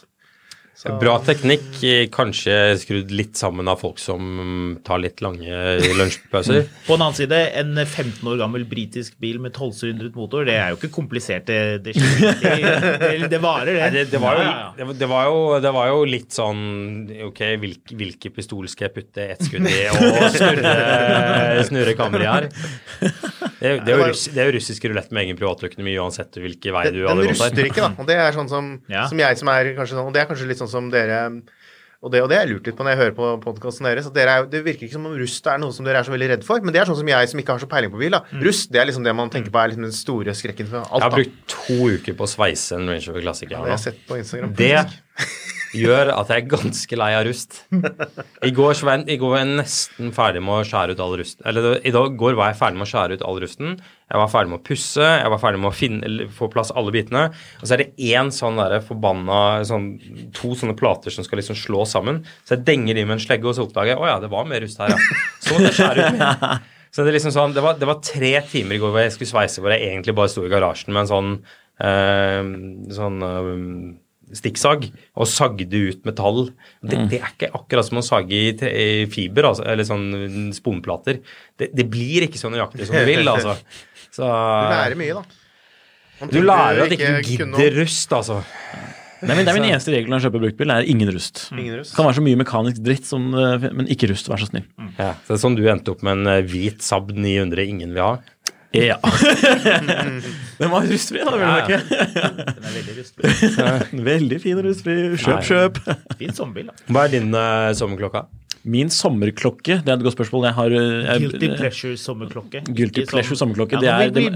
det, det, er- det er oss FB sannheten? Elegant. Uh, det er jo kvartsklokken til FB Jorn, som er et sånt independent Sommersnobberklokke? Sommer, Sommersnobberklokke. Ja. Så jeg som jeg ikke har råd til, vel merke. merke. Hva Eh, koster den? Den, koster, den kostet vel egentlig under 200, men nå er de plutselig fått sånn hype på disse også, så de koster jo mangegangeren det der, da. Så ca. Fire sabber. Ja. Eller eh, pluss pluss ganger ti. Røftlig. Så det er litt usannsynlig. Ellers så ville han, Hvis det hadde vært unlimited med penger, så hadde jeg gått for en Richard Mill Bonbon, som er sånn godteriversjoner de gjorde av klokkene sine. Som er veldig, veldig morsomt. Og klokker skal være morsomt, så det er liksom Mm. det jeg eh, tenker på å kjøpe klokke. Men eh, vet du hva, jeg vet faktisk ikke hva jeg skal ha på i sommer. Mm. Jeg pleier bare å bruke de vanlige klokkene mine. Eh, Og hvis jeg skal ut og bade, så tar jeg på meg en SKX. Ja, det er jo perfekt. Mm. Marius, hva med deg? Hva blir din sommerklokke? Å, velkommen. Det har jeg fått lov til å komme i Håkon Sæbøs klokkepodkast. Veldig hyggelig å se dere andre her også. Jeg vil snakke om sommerklokker. Det er gøy å høre hva folk vil ha. Jeg. Eh, en klokke jeg angrer på at ikke enda en klokke jeg angrer på at ikke jeg kjøpte, er en uh, Tudor eh, Heritage Krono Blue. Ja. eh, som var blå og oransje, eh, med to sånne um, Subregisters. Den er Ja. den er fortsatt i produksjon. Det er en utrolig kul klokke, syns Ja, jeg. det- det er en veldig sommerklokke. Men den er så fryktelig høy. Men du syns ikke den er kul? For det har vi diskutert før. Ikke si det når Marius sitter der og hører på. altså, jeg har akkurat dissa sammen så det er, det er Ja, nå- nå helt du mulighet. for at du okay. do- disse Ja, jeg, jeg, jeg, synes jo den er, den er jo sånn der, den er jo kanskje den første klokken som eh, kom når Tudor skulle revive brandet sitt, og det har jo vært en operasjon som har gått veldig bra. Men jeg vet ikke om det var den klokken sin skyld. Um, for den er, den er altså litt sånn, den er litt sånn fake eh, retro. Ja, jeg, men jeg setter mer pris på det fake retro enn billig Rolex, som jeg syns at Tudor på en mange måter var imaget deres veldig lenge, Ja, til men- ingen fikk tak i en Rolex stål lenger, og da ble det sånn ja, nei, Før så syns jeg Rolex var litt sånn eh, Det var det jeg ville ha, og Tudor var litt sånn lillebroren til det. Men nå når jeg ikke får tak i en Rolex, da syns jeg Tudor er det kuleste i verden. sånn at nå syns jeg ikke Rolex er noe kult lenger. Og jeg hadde egentlig alltid lyst på en Tudor. Jeg har aldri snakket om Rolex. Men jeg spiller jo idioter som direkte på Rolex. Hæ? Det er bare idioter som kjøper Rolex. Jon Henrik, hvordan kan du? Så, nei, men altså sånn Jeg, jeg syns Tudor er kult, men jeg syns ofte det ble sånn Det var, var det Black Baden heter, denne Denne Submariner lookaliken, som er en dritbra klokke, men jeg, vel, litt for lenge til Rolex gikk så amok som de gjorde, så var det markedsført som en sånn eh, light-utgave av en Rolex. Jeg vet ikke om det var akkurat det. altså Det var det, mye mer av det før Nei, det i tiden, hvor Submariner fra Tudor faktisk så prikk lik ut som Ja, ja, Rolex men, men, det, det, men det er derfor litt som jeg har litt sansen for denne Heritage Chrono. Men det skal sies, jeg har ikke prøvd den på armen. Sånn, at jeg vet ikke hvordan den er på Den er armen. så høy. Nei, Den er bare så høy. Så, eh, klokke. Nei, den er kul. Jeg skjønner hva du mener. For den er, en, den er mer en Ok, det er en kopi av en gammel klokke, eller en sånn ish kopi, ny, nytolkning, men det er en, det er en Tudor. Det er en klokke som ikke Rolex har noe som noe, De har ikke noe som ligner den. Mm.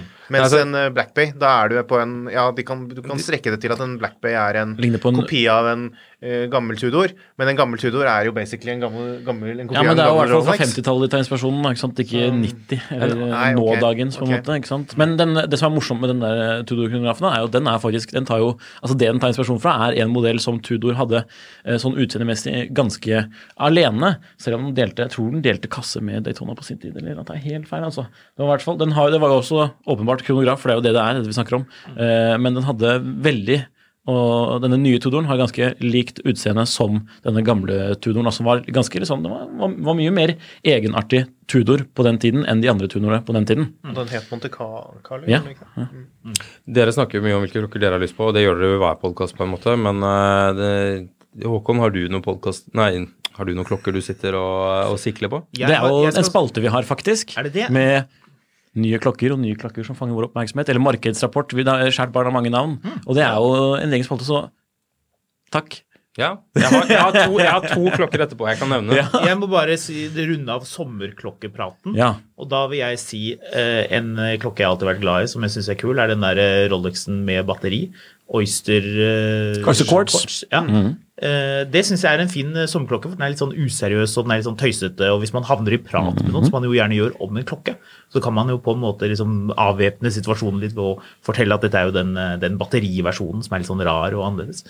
Så kan du sette på litt rappmusikk som uh, sier Rolex don't tick, og så kan du si Men akkurat denne gjør det. Ja. Ellers er det jo Money No Object må jo være en uh, overseas med blå skive. Uff. På gummirem? Ja, er det, ja fordi det, de lenkene er litt sånn rare. Det er for, det for yacht-looken. da. Ja, ja jeg, jeg tror det. Ja. Jeg tror, jeg tror, de har, jeg tror Overseas har liksom ofret kanskje litt av estetikken på lenken med å tenke vi må inkorporere logoen vårt på et eller annet vis. Ja. Mm. Så de har liksom den lille kronen, eller hva er det, malteserkorset Malteserkorset. eh, liksom i eh, lenkeleddene. Mm. Jeg syns det egentlig er litt kult. da. For, ja. Kan bli litt mye. Jeg er litt enig kan, det kan bli litt mye. Ja, jeg er litt enig. Ja. Nei da, men det er i hvert fall eh, Da er det sommer for meg. Ikke at jeg har noen av de, da. Men. Det er en ypperlig sommerklokke. Jeg tror det. Mm. Ok, men da, da kan vi ta den nye klokke, nye klokke-spalten. Fiffig navn. Men um, ja, så hva var det, Marius? Du hadde to? Eller var det du som hadde to, Håkon? Du hadde to. Ja, eh, har du noen klokker du har lyst på for tiden? Som ikke du har nevnt allerede? Ja.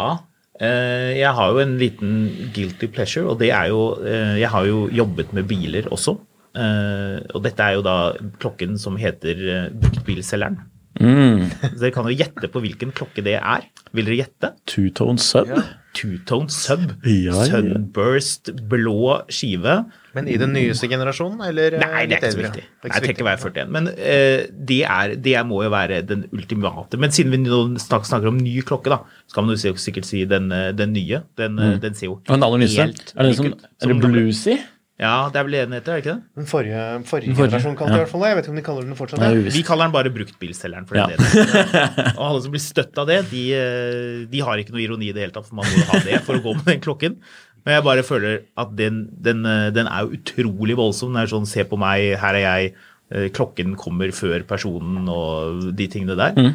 Det er jo gjerne en klokke, Man kan jo prate mye om hvilke klokker og biler som hører sammen. Det er jo en morsom diskusjon. Men jeg har ja, har alltid likt den, eh, den klokken. Jeg har ikke turt å kjøpe den og komme meg dit ennå. Men eh, Den er jo kul. det, er er den kul? Du, du vil ikke gått med den, du? Vil Nei, men jeg syns den er kul å se på andre. Ja, det er gøy å se på. Det er morsomt, i hvert fall morsom å observere. Ja. Marius, hva syns du? Jeg, jeg har for mange Det er for mange sånne typer jeg forbinder det med at jeg hadde klart å gå med den uten å føle meg som som en sånn eh, skal man si, hykler i minimum. Altså Jeg har jo brukt altfor mye av tiden min på å gjøre narr av nettopp disse typene og de klokkene. Hvor det er liksom, du har den derre Halla! Du har, du, har den gjerne, du, har den gjerne, du har den til og med gjerne på høyrehånda. Sånn at du liksom Pass få den frem.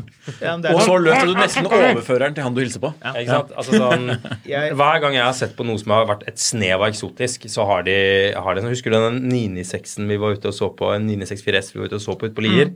Han selgeren her hadde selvfølgelig en, en Det var vel en ja, det var kanskje en Kermit.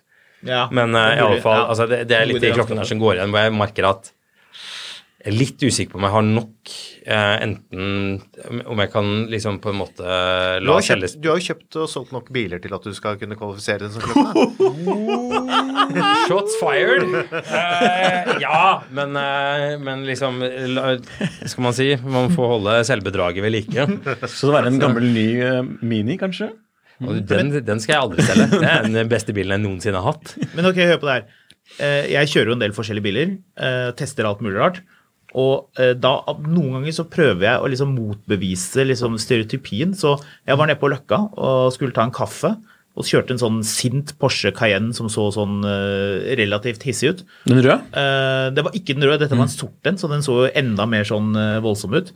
Og jeg tenker litt på samme måte som med klokke, at da liksom prøver jeg å være ekstra snill med folk, slippe de frem. og liksom, her? Men det som skjedde, var at det var en fyr som kjørte med veldig lite luft i dekket. Da er liksom, altså Uavhengig av hva bil eller liksom modus, så ville jeg jo si ifra om det. Og den var sånn, eh, sånn eh, langt ned på Sørlandet registrert. Og jeg kommer liksom og liksom, Oi, nå må jeg si ifra til han. Jeg må ikke liksom kaste meg inn på siden. Og så liksom peker jeg og tar ned vinduet. Han fyren ser helt sånn livredd ut. Han, sånn- han, på, han har kjørt helt opp hit for å hjelpe datteren å flytte inn, eller et eller annet sånt. Det var masse skraml i bilen, så jeg tror det var det de holdt på med. Og han tenkte, han bare Nei, kjør, vi, det går fint. Åh, kjør. Og så sier jeg dette her, da blir han helt sånn forbløffet. Han var ikke det han hadde forventet i det hele tatt når jeg sier å du, kjære deg, du har lite luft i du kjørte du med åpent vindu og klokken ute også, med Rolex, eller? Det er det som er poenget. er at Marius, du kunne fått den, eh, den, eh, den Rolexen på armen, og så kunne du motbevist at det er eh, rasørklokke. Og så kunne du gått rundt og bare vært snill med folk hele tiden. Eller jeg kan gjøre det. Ja, det, det, det, er det hyggelig, som sånn redder sånn svaner som har satt seg fast i noe plast, eller som er sånn, kommer på sjøen og tauer de som har stoppet med en gammel seilbåt. Bare vært sånn kjempehyggelig fyr. Og så går etter hvert så vil liksom tankegangen om at Rolex pluss eh, douchebag er lik sant, eh, snu seg til at eh, Rolex er veldig snille folk, de. Men, Spesielt men altså, det skal sies, I så fall måtte jeg gjort det hvis jeg kjørte kassebilen. Fordi jeg har jo også den bilen som, som aller mest roper finansakrobat, og det er jo brukt Range Rover. Ja. Altså, den, den Range Roveren jeg har altså, de andre, altså, Snart forfeilet akrobat. Ja, altså, den eh, vi, Jeg husker du og jeg var ute på Milebutikken og skulle hente noe, og da var det selvfølgelig en sånn fyr der eh, som skulle hente masse greier som sto på kona og masse greier, da. Og, det er liksom sånn, og der endte vi opp med å se på en En stund senere skulle du se på en gård, går, så vi var hjemme hos han fyren tilfeldigvis som bor oppe på Vinneren eller annet sånt. Selvfølgelig en sånn fyr som alt står på kona, for han har hatt en eller annen sånn supergriste konkurs for noen år siden. Så alle biler, hus, firma, alt sammen er selvfølgelig i konas navn. Så, og han har sånn, sånn ordentlig sånn, eh, sånn reisemave og sånne røde solblekede shorts og en Rolex. Så eh, jeg vet ikke. Nei, altså hvis Han var hyggelig, han. Det må jeg si. ja, ja, trivelig, trivelig fyr, men han er sånn fyr. Han er sånn drithyggelig fyr som er konk, men du låner ham penger likevel, for han er jo så trivelig, ikke sant? Så, men eh, eh, Nei, altså hvis jeg, hvis jeg liksom Money no object lite grann, altså sånn Der er jeg akkurat nå med, med små barn og husprosjekt og masse rot, så er vel de, den bilen Nei, den klokka jeg hadde, hadde liksom Hvis jeg skulle unne meg noe sånn skikkelig, så er det en Senetel Primero. Um, Den aller nyeste? Eller- en av de. Eh, Der er jeg ikke så For den aller nyeste ser jo litt annerledes ut. eh. Det ser jo litt ut som en Daytona. Jeg liker, jeg, jeg, det var litt rart, jeg nesten. liker den looken som er sånn ca. ti år tilbake i Ja, tid. jeg vet Ja, det. den er fin. Den er classy. vanlige. Ja, det er ganske noe? Tricolor. Primero Kronomaster? Sånn? Ja, det stemmer. Er, er det en klokke vi kan være enige om alle sammen at vi liker? Ja. For det tror jeg er litt sånn som Top Gear-gutta. De kan aldri bli enige om hva slags bil de egentlig liker. Men her tror jeg faktisk vi har en klokke som alle syns er fet. Men sånn som med de bilene de liker, jeg tror du alle liker dem, men det er ingen som faktisk kjøper de. Nei, Nei. Sånn føler jeg på den, den. da. Den er sånn jeg liker den på andre, som du sier. da. Ja, ja. Den passer ikke på meg, men uh, hmm. Det, det, det hadde vært noe, Marius. Hva ligger de på nå? Rundt 50-60? Ja, må litt opp. Da må man det. Tror du det? Ja, altså, for, en, for en brukt? Får ikke 50 Jo, jeg tror du får Jeg tror, jeg tror den jeg har lyst på, var sånn ca. 70 sist jeg sjekka. Så nei, prisene har gått litt opp, tenker jeg. Men, øh, ja. Men senere er det fortsatt mulig å gjøre litt deals på det, altså. Ja, det er altså, jeg er jo sånn som lar meg fenge av ting. Da. Sånn at liksom, sånn, en stund så hadde jeg et seriøst lyst på en Corum Admiral Cup. Wow. Det, det har jeg hatt lyst på også. Hæ? Det har jeg hatt lyst på også. Det er Men det er en rar båten, da. Ja, det er ikke Det det. er en rar Pirate klokke. hvis du har en annen type båt. Ja, men uh, en klokke jeg vurderer å kjøpe meg nå, som ikke er så veldig dyr, da, det er en Junghouse. Uh, Kronoscope, kan det stemme? Kan du se. Uh, med sånn uh, Junghans. Kronoskop. Det stemmer det, vet du. Max Bill. Ja, den syns jeg ser ganske Ja, ut. Ja, ja, ja. ja, det kan jeg så avgjort gjøre. Eh, For de som har lyst til å søke på det hjemme, så er det jo da Junghouse. Max-spill, kronoskop. Det er jo kronografversjonen av denne Max-spill-klokken. eh, Veldig Bauhaus-design. Ja, veldig. Den er kul. på? Eh, på Krono så er det jo 15, så da betyr det en vanlig butikk 7, er ikke det? Sånn der. ja, jeg, jeg, tror, jeg tror jeg har regna med sånn rundt ti jeg, for en, for en OK en. Ja. Hvis jeg har klart å Så tenker jeg navigere meg brukt, så er det nok eh, enda billigere også. Ja. sånn Men den syns jeg ser uh, der, der, der er det veldig mye jeg liker. og som- Særlig liksom ikke sånn Jeg trenger ikke selge noe eller pantsette noe eller eh, spare jækla lenge for å kjøpe en sånn en, men hvis jeg skal ha en, altså en Zenit det er, Problemet mitt er at jeg liker bil, og så liker jeg klokke, og så liker jeg møbler. Mm. Og det er liksom litt sånn Jeg har en plan om å etter hvert kjøpe meg en lenestol. Som Hvilken? En viss lenestol. Vet, vet du, det er, jeg ønsker dette, møbler, er- ja. det, dette er ganske eh, Du kan jo tippe hva slags lenestol jeg er på jakt etter. Holmenkollen? Nei. Nei. Det er Altså, en sånn eh, Fjordfiesta Nei, det har ikke hvassere enn det. Eh, oh, ja, nei, beklager. Naturligvis. Eames Lounge Chair. Ja, dumme meg. Dumme meg. en, nok en ting jeg hadde lyst på siden før folk, eh, i likhet med Speedmasteren, gikk helt amok for eh, at alle skulle ha en. Men Eamesen har jeg hatt lyst på i 20 år. Men jeg har, altså det som er irriterende med en Eames Lounge var at nå får du en brukt en for 50-60. Men da jeg ble interessert i det, så fikk du en for 14 000 i Stockholm. så det er liksom bare sånn Det er surt å sitte og tenke på nå. Det var en ekte en, ikke en fake en som du nå skal betale 14 000 for på Finn, liksom. Før noen hos Finn rekker å trekke annonsen. Uh, Eames Inspired Chair. Ja, ikke sant? Så Tankene fra Eames. Ja. ja. Eh, Eller sånn her om dagen så var det også en hva det? Respectful copy. LC, LC4, hva er det for noe igjen? Um, Er ikke det en eller annen av de stolene? Louis det er, nei, det er denne, denne lenestolen som som ligger nesten aktig i. Ja, Det Corbusier. er, det er lenestolen. ja. Ja, eh, og da var det en sånn, det var en lang tekst på en i her om er dagen til et par og 20 000. Og jeg tenkte det var jo relativt billig. Og så står det under helt på slutten dette er en kopi. Ja. Jeg bare 22 000 for en kopi?! Chaiselong er jo det. Det er denne Folk eier jo ikke skam. Så Ja, det er, det er eh, ganske Det er noen av disse horribelt. kopiene Det har jo vært diskusjon om det på tidssonen også. Der er det en møbeltroll selvfølgelig også. Ja, ja, naturligvis. Og Der var det vel noen som hevdet at, den, at de, de produserte disse stolene Jeg husker ikke helt hvilken det var jeg nå, at de mente at det ble, var ikke Cassino. tro, tro mot nok, eh, nok eh, mot originaldesignet, men at det var en annen produsent da, som tilfeldigvis Altså- også var litt billigere, som lagde, lagde en men også, jeg, vet at, jeg vet at det har vært en del diskusjon, fordi denne Eames Launcheren lages vel av ja, Vitra? Er det Vitra? Vitra. Ja. Det er Eh, Herman Millerhuset. At de Så- synes at Er det det fremdeles? det var bra, bra nok det, det er masse meninger der. Men igjen, jeg kommer til å sitte behagelig i den stolen med en kald øl og gi flatt blaffen i, for å være barnevennlig her, flatt blaffen i hva noen på et sånn subforum mener om, om liksom skruene på undersiden av stolen eller er riktig nok eller ikke. Og det er jo liksom litt til forholdet mitt til klokker og til bil. På et eller annet tidspunkt, altså nå ble jeg 38 her nå nylig, og liksom litt den tilnærmingen de siste årene har vært at jeg kjøper ting jeg har lyst på.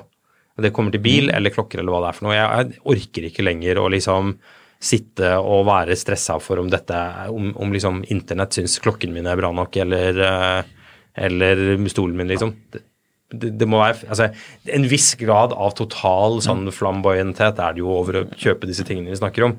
Men først og fremst er det jeg som skal like det, liksom. Jeg ser det for meg. Du sitter i loungestolen, har, har en sånn JLC eh, Master Control uh, Ultrafin Ja. uh, og nyter en sånn liten sånn en fin flaske med whisky.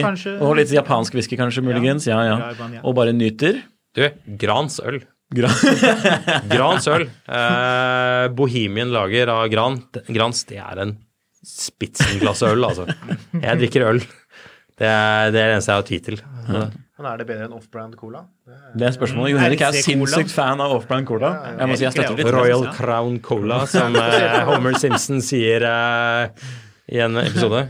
Men er det en greie, eh, er det en greie i, i klokkeverdenen at man kan man ha en replika av noe gammelt? Er det liksom, er det i det hele tatt i nærheten av Nei. godkjent? Nei. Nei, så det må Det enkle korte svaret er nei. Ja. Og så er det noen sånne litt sånn no. grå gråsoner, eller jeg vet ikke om jeg skal kalle det gråsoner engang, men det er, jo, det er jo produsenter av eh, ymse kvalitet som åpenbart nesten kopierer gamle design, og, som, og som selger det, og hvor man liksom sier at det er ikke en kopi, for det er liksom forskjellig nok til at det ikke er en kopi, men helt åpenbart. Ja, sånn som for eksempel av den eh, Vi så jo på klokken nå før sending en eh, Tudor Black Bay Pro, hvor det er et merke som heter Steinhardt, blant annet, som Ja, lager en, en. Eh, sånn en lignende versjon av den, men liksom det Ja. Det er sinn. Det er pro-utgaven pro av den dykkerklokken. Så det er bare på de, for de profesjonelle dykkerne. Det er et morsomt navn. Så, Men det er jo litt interessant, da. Kanskje det er noe som kommer. Jeg vet det er et firma i et lurmål Argentina som lager Pursang. re replikaer av, ben, av Bugatter. Pursang. Ja. Og der kan du få De replikaene er så replikaete at du kan få motoren fordi de originale Bugattiene hadde jo sånn sylinderlining, altså sånn motorblokken var sånn at den liksom, den spiste seg selv opp etter hvert. Det tok ikke så lang tid, så du måtte bygge dem ganske ofte. Da kan du velge, hvis du bestiller, kjøper en sånn bil, det tar jo 1000 år å få den selvfølgelig, eh, om du vil ha motoren, at motoren selvdestruerer eller ikke. For de kan også lage en hvor, hvor disse, disse er jo godkjent av Bugatti. Så, ikke sant? Ja. Men de er jo på en måte i bilverden, da. Eh, og, og der er man Én ting er jo på en måte at Jaguar lager en, en Heritage D-type, eller at de bruker chassisdummere til de bilene som brant opp på 50-tallet, de tingene der. Det kan man jo kanskje si at klokkeverden gjør til en viss grad, men, men det som det, som, det firmaet, Pu- Pursang. Pursang eh, det er ikke i klokkeverden, liksom. Nei. Nei. Og det har, har vel kanskje litt med det at klokker det har jo stort sett blitt produsert i ganske mye, mange flere eksemplarer. da. Mm. Jeg vet ikke hvordan det er med disse bilene, men det det er vel ikke sånn at det er så fryktelig mange av de eh, igjen originalt. Mm. Så, og der er det jo litt sånn, og innenfor klokker også, så er det jo litt, kanskje litt enklere muligheter i forhold til å restaurere også. Sånn, eh, men i forhold til urverk, da, som liksom er motoren, så er det jo ofte enda flere urverk enn det det er kasser og, og andre ting. For disse urverkene blir jo ofte da brukt av mange forskjellige. og man- det kan være, man kan det, det er ikke lett, men man kan finne reservedeler til mye rart da, av, av urverk. Eh, kasser som kan restaureres. Det kan sveises. Det, kan, det er spesialister som, som legger på metall der det er slitt bort, og, det og former det om igjen. Det er Ja, det er veldig morsomt. Det er sånn mikro, microwelding, er det ikke det? Ja. ja. Det er veldig kult at man kan gjøre det. det har dere vært inne pratet om det tidligere i podkasten? Nei. Det der med at Nei. Hvis du har fått en bulk i en klokke, så tenker du ah, da er den jo skrap, da. Ja. Men så kan du egentlig levere den inn til noen som, som sveiser på en bit metall, og så slipper du vekk og gjør det helt Og det er jo veldig trivelig for nye klokker, men så har man i denne vintage-greia, hvor du kanskje har en Rolex som er verdt 500 000, eh, eh, men så har du weldet den så den ser finere ut i penestanden enn den er, og ingen kan faktisk se om den er ordentlig, om den er sveist eller ikke i endresultatet. Og da er den verdt 700 000 istedenfor, ikke sant? Ja. Så er det jo mye lettere å presentere den som en original klokke Ja. med sveist, Ja. eh, istedenfor denne ærlige, originale klokken til 500. Ja, ok, Så man skal passe litt på, da. Man skal passe meget på. eh, Tenk hvis det prinsippet hadde vært på bil. da. Du, ja. du skulle kjøpe deg en uh, 964 Turbo, og så går du og ser på den og bare Nei, du, dette er altfor fin. Du har ikke en som er bulket. sånn at jeg vet, jeg vet Det kommer på hvem som har er bulket. Hvis det er, hvis det er Fangio som har bulket den, Marius, da er det bra. Hvis det er, hvis det er hans sigarettmerker i, i taktrekket, da er det i orden. Ja, ok. Altså, spørs hvem det er som har grisete i bilen. Nei, det er, det er race-made bulk. Ja. Ja. Men hva med sånne biler, da? Hvis det er, hvis det er f.eks. biler som har vært eid av som går på auksjon, for eksempel, da, som har vært eid av noen kjendiser, altså noen kjente folk. De som kjøper disse bilene, ehm, for det er jo ikke alltid disse bilene kanskje er tatt like mye godt vare på alle sammen. Er det da liksom vanlig at de restaurerer de helt og prøver å få det liksom helt perfekt? Eller er det noe i det der at det er slitt sånn som denne personen da har brukt gjenstanden? Mm. Noen biler som kommer på auksjon, er jo sånn type sånn barn finds og sånn.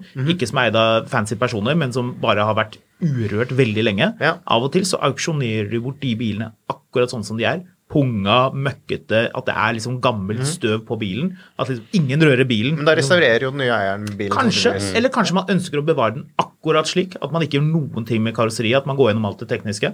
Men at man ønsker å ha den fordi den har liksom stått så lenge. Ok. Men når det kommer til, eh, til kjente personer, ja definitivt. Da vil liksom man liksom Marilyn Monroe har kysset eh, dashbordet, da. jeg vet ikke.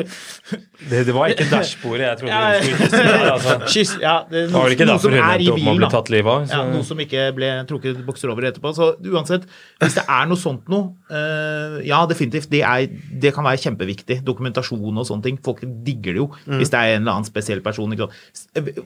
Altså, det er jo Men sånn- bevarer de det da i den standen? Som, Ja, da kan man fort finne på å gjøre det. Ja. At, at man det- ikke gjør noe. Det kommer veldig an på hvem personen er, uh, for hva man gjør. Uh, men det har vel vært noen ganske spektakulære auksjoner. Det var vel i hvert fall- altså, En ting er jo at Paul Newman Daytona er et konsept, men Paul Newman Volvo Hva er det for noe? 740 eller 940 med 940. sånn Mm, 850, tror jeg kanskje. Tror. Nei, nei, det, det er- nei, det er, nei, det er 940. Um, eller 960. Med, den- den, med, med med denne Chevy-motoren. ja. Altså, den ene av de gikk jo for en helt sånn komisk pris.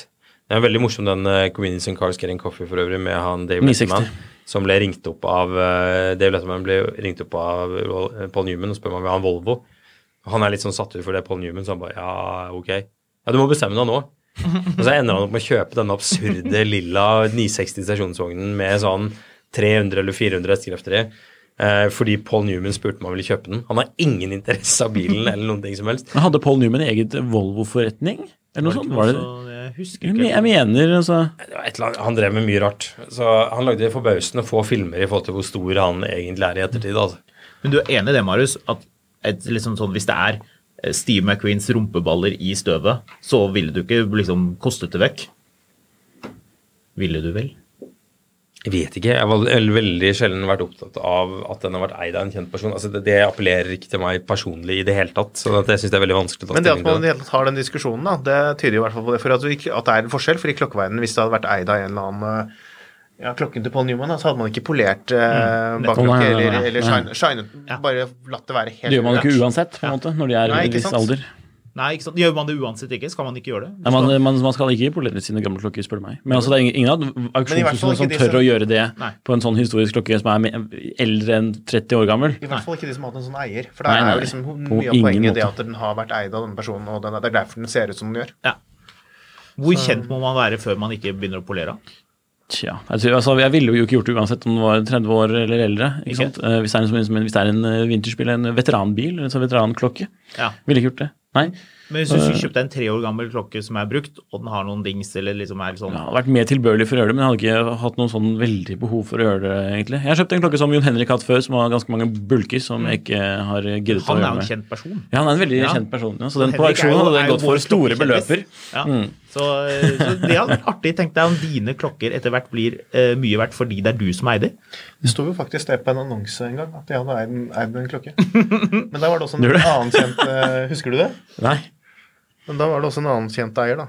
Mm. Tror vi så var den, ja. Det Men det er morsomt. lett hadde skrevet i annonsen. Dan Børge Akerø og Jon Henrik Haraldsen er eid eh, Har begge to eid denne Casio G-sjokken. Tande P har båret dette uret. Det er en veldig fin ting å ende på, tror jeg. En god note. Så kan folk eh, drive og sette Nå skal jeg sette automatisk søk på Finn etter Jon Henrik Haraldsen. ja, da, men eh, vi takker at dere kom, Og eh, jeg skal Håkon sette Nicolai Gill, og så dukker det opp bare masse sånne gamle Masse rare møbler. og Saber. Sabdeler og fillerier. Please buy. Må hentes. Ja, ja, men eh. Sender ikke! Kun kontantbetaling. Nei, men eh, Herlig. Takk for at dere kom.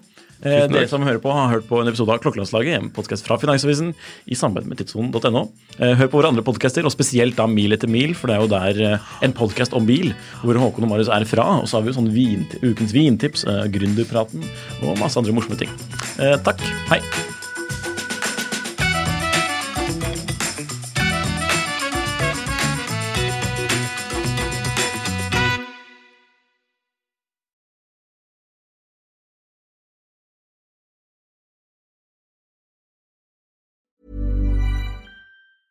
Hey, it's Danny Pellegrino from Everything Iconic. Ready to upgrade your style game without blowing your budget? Check out Quince. They've got all the good stuff shirts and polos, activewear, and fine leather goods, all at 50 to 80% less than other high end brands. And the best part? They're all about safe, ethical, and responsible manufacturing. Get that luxury vibe without the luxury price tag. Hit up quince.com slash upgrade for free shipping and 365 day returns on your next order. That's quince.com slash upgrade. Klokkelandslaget er en Finansavisen-podkast i samarbeid med Tidso. Programleder er Nicolai Giel og Jon Henrik Haraldsen. Produsent er Lars Brenden Skram. Podkast- og videoansvarlig er Marius Mørk Larsen. Og ansvarlig redaktør er Trygve Hegnar.